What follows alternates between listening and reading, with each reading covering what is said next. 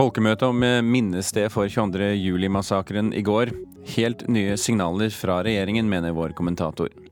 Strømmetjenesten Spotify bryter med egen forretningsmodell, gir betalende kunder fordeler fremfor de reklamefinansierte. Og regissør Emil Trier skal lage film om Norges mest profilerte svindler de seneste årene. Hvis jeg også blir lurt, så blir det en del av prosjektet, sier han. Og så skal vi snakke litt om ungdom og sexvideoer og sånt eh, underveis her i Kulturnytt også.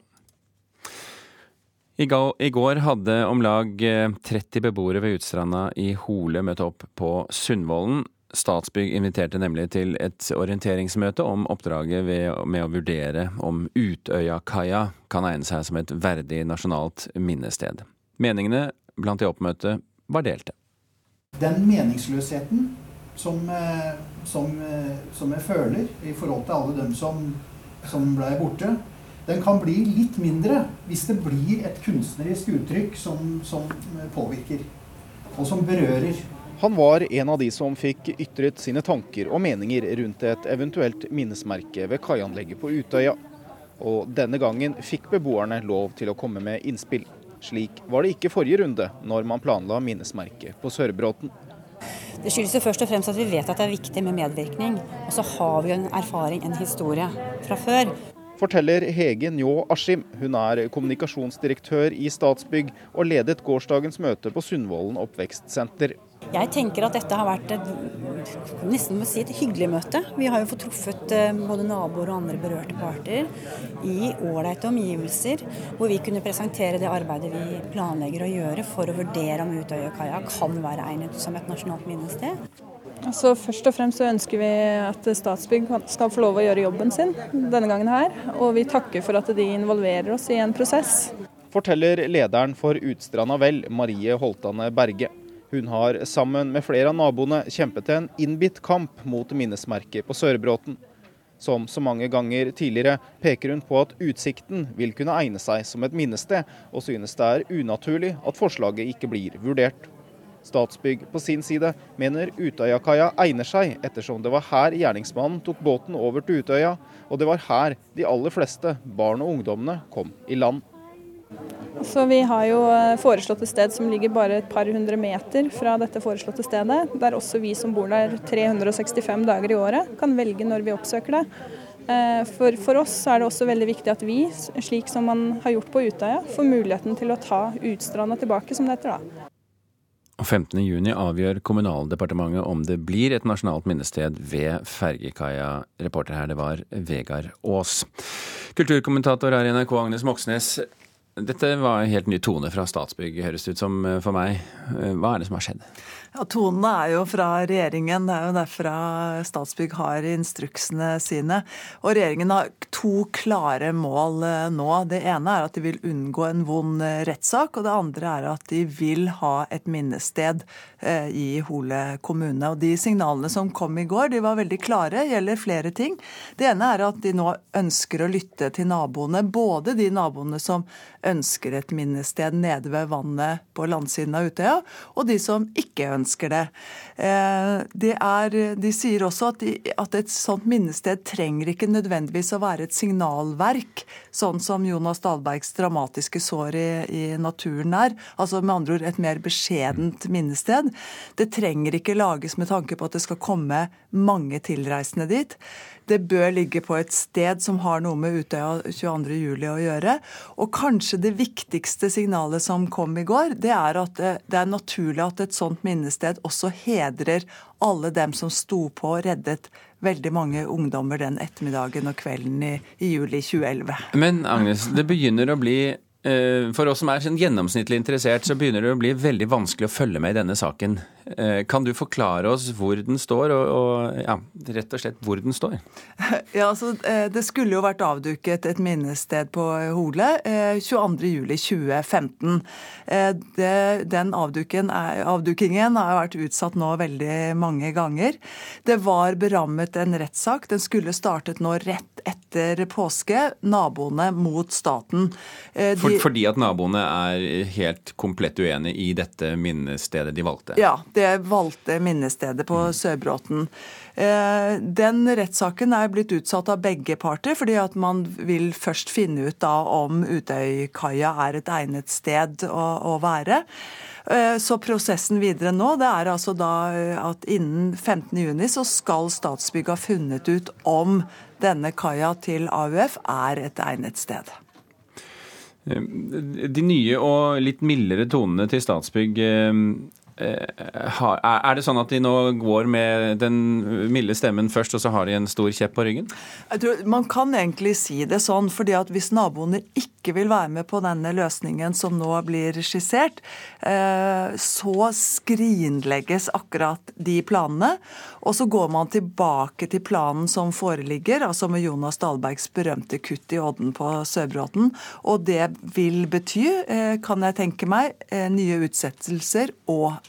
også en rettssak. Hva kommer til å skje fremover nå, da? Ja, Nå skal det snakkes. Eh, staten, naboene og Hole kommune. Eh, og naboene er, som vi hørte i denne reportasjen her, tydelige på at de er glade for at de nå er involvert i denne prosessen. Selv om de da ikke forstår hvorfor ikke deres forslag om å legge dette minnestedet litt lenger opp i skråningen i nærheten av riksveien ikke blir vurdert på, med, på samme alvor som Utøykaia. Så vi er ikke helt ferdig med den saken, med andre ord? Nei, vi er ikke ferdig ferdig med denne saken, men dette er iallfall et konstruktivt forslag eh, om å komme i mål. Agnes Moxnes, takk for at du orienterte.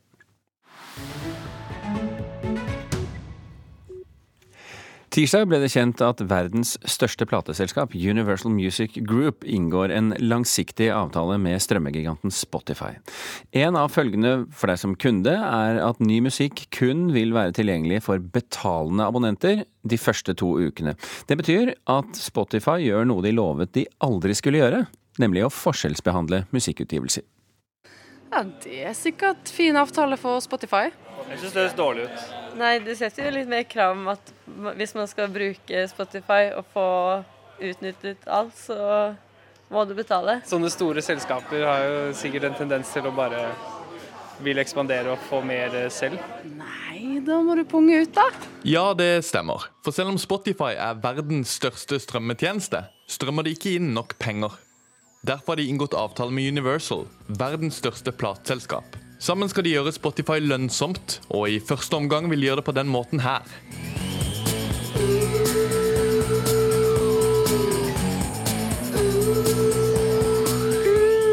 Inga du hører her, kommer fra den rykende ferske plata til The Jesus and Mary Chain.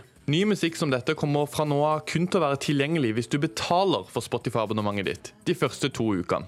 Dette er den første forandringa Spotify gjør etter at de bestemte seg for å samarbeide med Universal, men studentene på Musikkhøgskolen i Oslo tror ikke det blir den siste. Og de tror i hvert fall ikke musikerne får noen av pengene. Det spørs om jeg vil fortsette å bruke Spotify, det. Først så tror jeg musikerne, de som legger ut, at det er dem det vil ramme.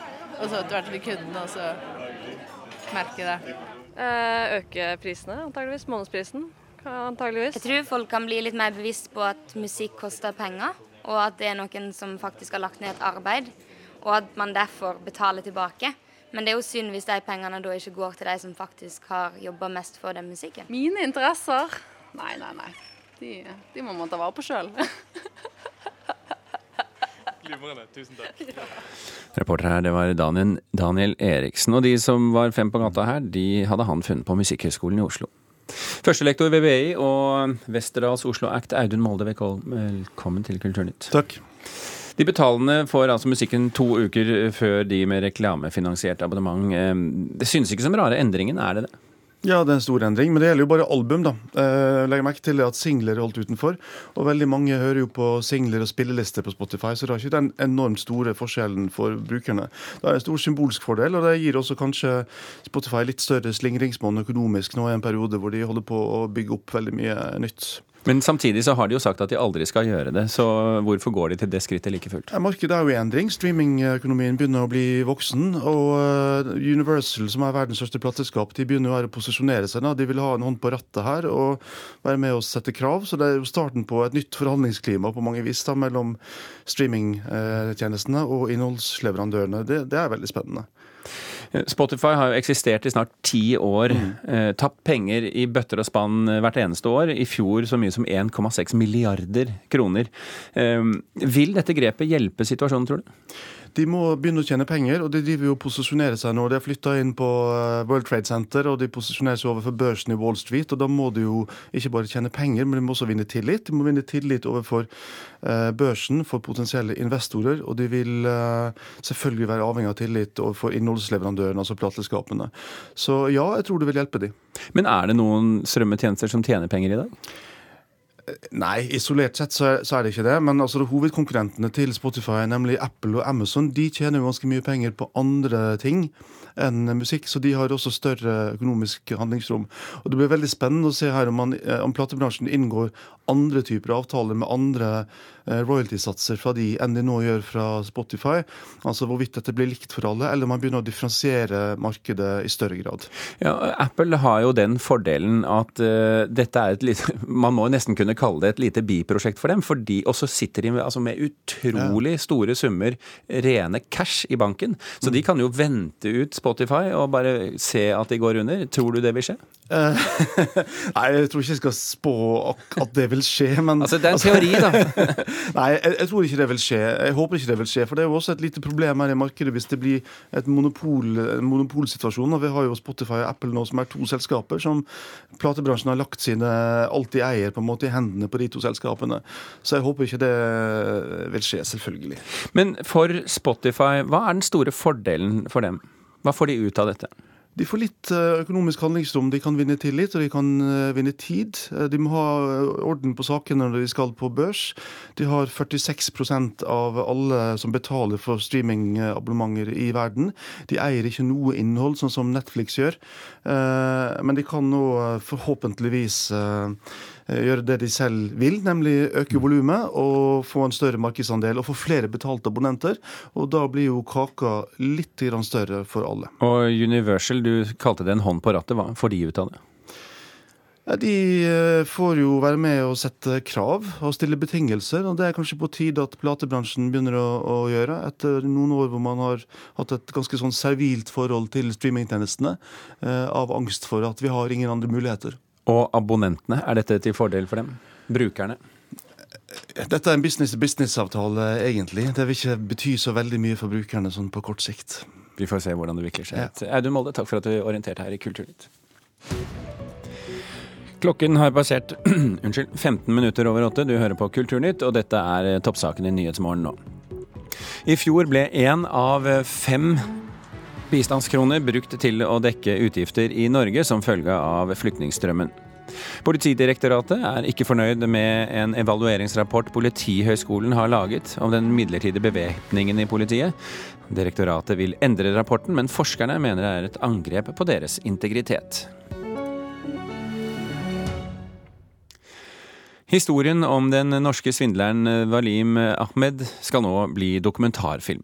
Ahmed soner for tiden en dom på elleve år i USA for å ha svindlet til seg flere millioner kroner i bytte for rettigheter til Justin Bieber-konserter. Rettigheter han absolutt ikke hadde. Men rekken med svindler er lang, og det startet med solceller og rosende sammenligninger her hjemme i Norge. Jeg ble bare satt ut når jeg leste det. Jeg visste ikke at Innovasjon Norge skulle gi de kommentarene. Eh, jeg spurte selve direktøren da, hvorfor, er, hvorfor er jeg det. Så sa han at uh, du har samme tankegang som Mark Zuckerberg. Waled Ahmed var 19 år og et kjempetalent, i hvert fall tilsynelatende. Han fikk statsstøtte for å utvikle solcelleladere til mobiltelefoner. Salget var i millionklassen, hevdet han, og ble en medieyndling. Think large, think large, do large. Daværende næringsminister Trond Giske og kronprins Haakon var blant dem som trakk ham fram som en lysende ung gründer.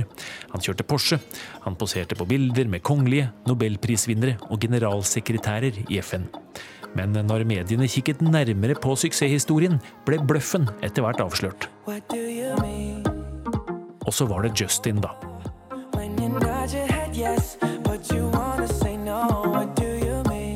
Høsten 2012 ble Waled Ahmed fengslet i USA, tiltalt for svindel.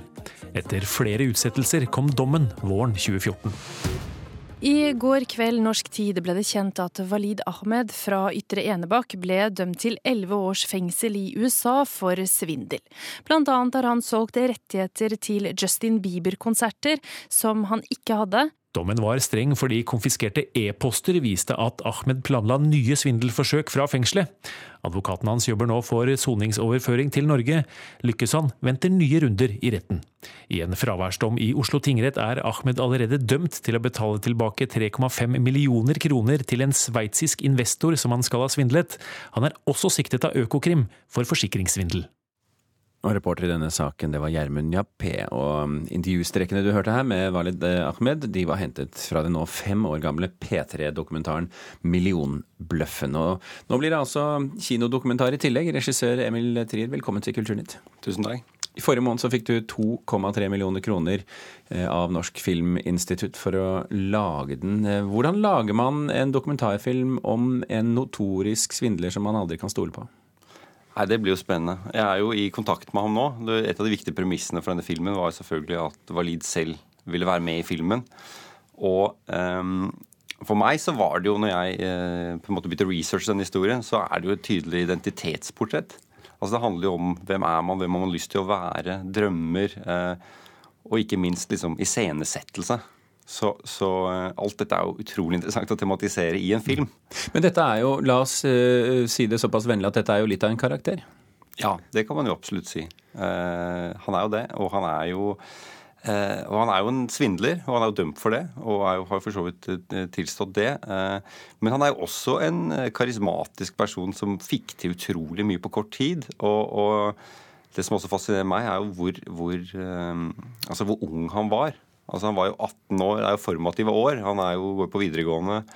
Og så begynner da hele dette eventyret. Og, og som, tre, som, 22 år gammel gutt så ble han da arrestert av FBI på San Francisco-flyplassen. og dømt til 11 år i fengsel. Og altså alt det som skjer imellom dette her, er jo det vi nå researcher og, og lager en stor film om. Da. Men har du, noe, har du, tillit til at du får ut noe av ham som kan fortelle noe om motivasjonen her? Altså, for han er jo en forbryter, og, og, han har jo For meg så virker det som han har ønsket å fremstå veldig flott. Flottenfeiersk, nærmest.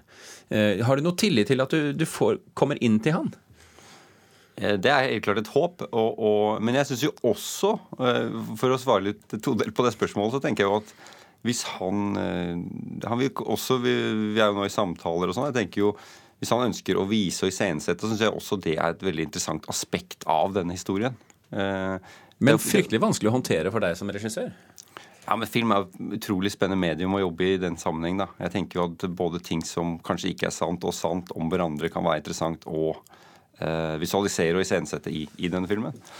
Og så er det jo viktig å nevne at det er jo mange andre karakterer også med. Det er jo, for oss har det vært viktig å vise liksom, kompleksiteten i denne, denne, historien. Altså, er jo, det er jo mange ofre på andre siden. Det er eh, ungdomsvenner. Det er eh, ja, FBI. Det er mange, mange, mange mennesker og karakterer som vi kommer til å dukke opp i denne filmen. Ja, altså vi, vi, snakker jo om politikere høyt på strå. Vi snakker også om kronprins Haakon eh, bl.a. Har du noe håp om å få med han? Vi får se. Vi får se. Eh, Emil Trier, vi må nesten eh, bare si to ord om det også. Ditt etternavn er kjent. Du har en bror som heter Joakim, som også lager film. Tenker dere veldig annerledes eller veldig likt om det å, å skape film? Vel, altså um, Jeg tror vi Altså, jeg er jo kanskje enda mer opptatt av dokumentarfilm, mens han er mer opptatt av fiksjon sånn umiddelbart. Men uh, vi har jo også da en bestefar som lagde film, så jeg føler jo det å jobbe med film Og mine foreldre har jo også vært involvert i film. Og, så, så, det er vel noe som uh, ligger litt i familien, men, men uh, jeg ser det umiddelbart som en veldig stor inspirasjon da, mm. å snakke med Joakim om film. Men du skal finne din egen stemme, går jeg ut fra?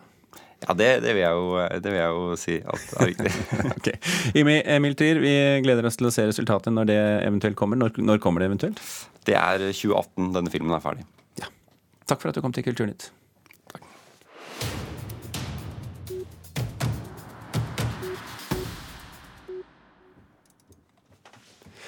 Så skal vi videre til det vi snakket om helt inn i begynnelsen av sendingen, nemlig sexvideoer. I dag starter nemlig Sandefjord tingrett straffesaken mot eh, en 16 år gammel jente som er tiltalt for å ha spredt en sexvideo av to 17-åringer på en fest i Vestfold i desember i fjor.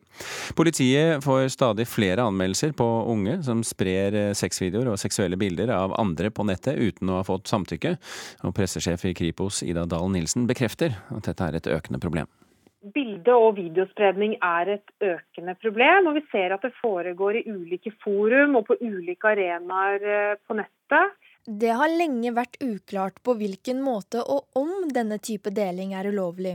Men etter den såkalte Snapchat-saken, der en 21 år gammel mann ble dømt til 120 dagers fengsel for å ha lastet ned bilder og filmer av andre personer ulovlig, ser Kripos at antall tiltaler har økt og at politiet har blitt i stand til å slå ned på slike saker. Det sier pressesjef i Kripos Ida Dahl Nilsen.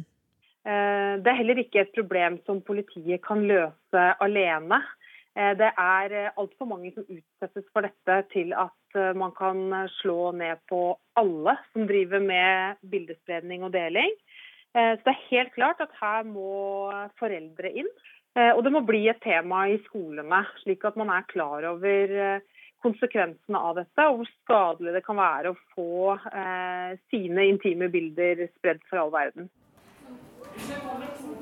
På Greveskogen videregående skole møter NRK flere ungdommer, både gutter og jenter mellom 16 og 18 år. Alle sammen forteller at de har mottatt både videoer og bilder av seksuell art på sosiale medier, uten at den som har blitt filmet eller tatt bilde av, har visst om det.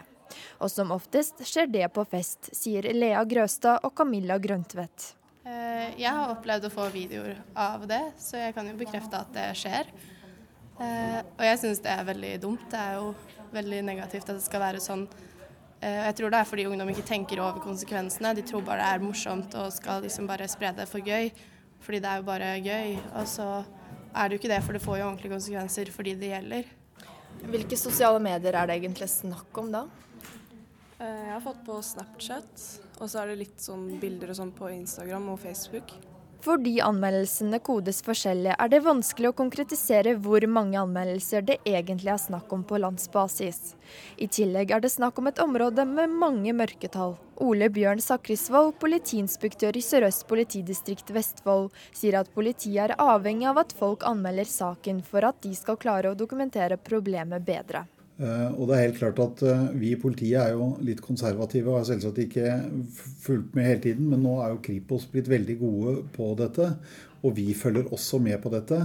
Og, men vi er jo nesten avhengig av at noen melder det inn, for vi leter jo ikke spesifikt etter dette på nettet, vi.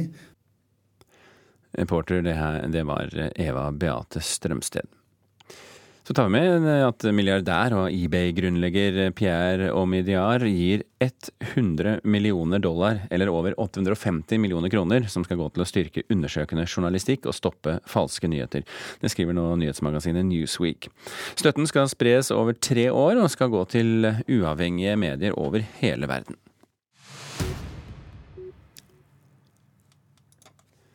Shakespeares komedie As You Like It, eller Som dere vil, som den heter på norsk, den hadde premiere på Nationaltheatret i går kveld og skal være vårsatsingen for Norges største institusjonsteater.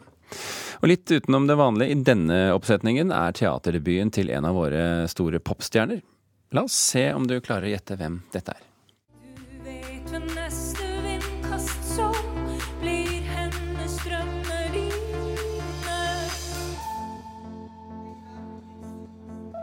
Erklær min kjærlighet. Og du, nattens trekronte dronning, flytt det kyske blikket fra din evighet til henne som regjerer livet mitt. Karen Frøsland Nystøl, teaterkritiker her i NRK. Kan jo bare komme med avsløringen med en gang, vi. Dette var Bertine Zetlitz. Bertine Zetlitz. Ja. Hvorfor har eh, Nationaltheatret tatt med Bertine Zetlitz i denne eh, oppsetningen? Nei, de, eh, altså Som dere vil er en romantisk komedie, men det er òg en leik med identitet. Og Bertine Zetlitz har et ganske androgynt uttrykk, egentlig.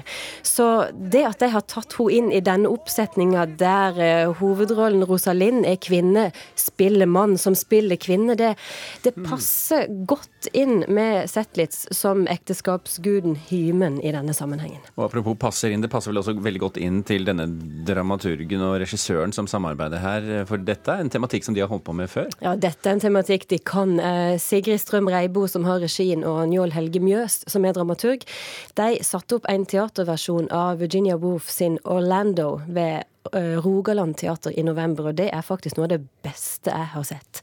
Og der skifter jo Orlando identitet fra mann til kvinne i løpet av forestillinga. Og det det er en av de beste forestillingene jeg noen gang har sett. La oss komme tilbake til konklusjonen om denne, denne forestillingen holder høyden. Men la oss uh, først, for de som ikke kjenner dette stykket, as you like it, eller uh, som dere vil, hva, hva handler det om?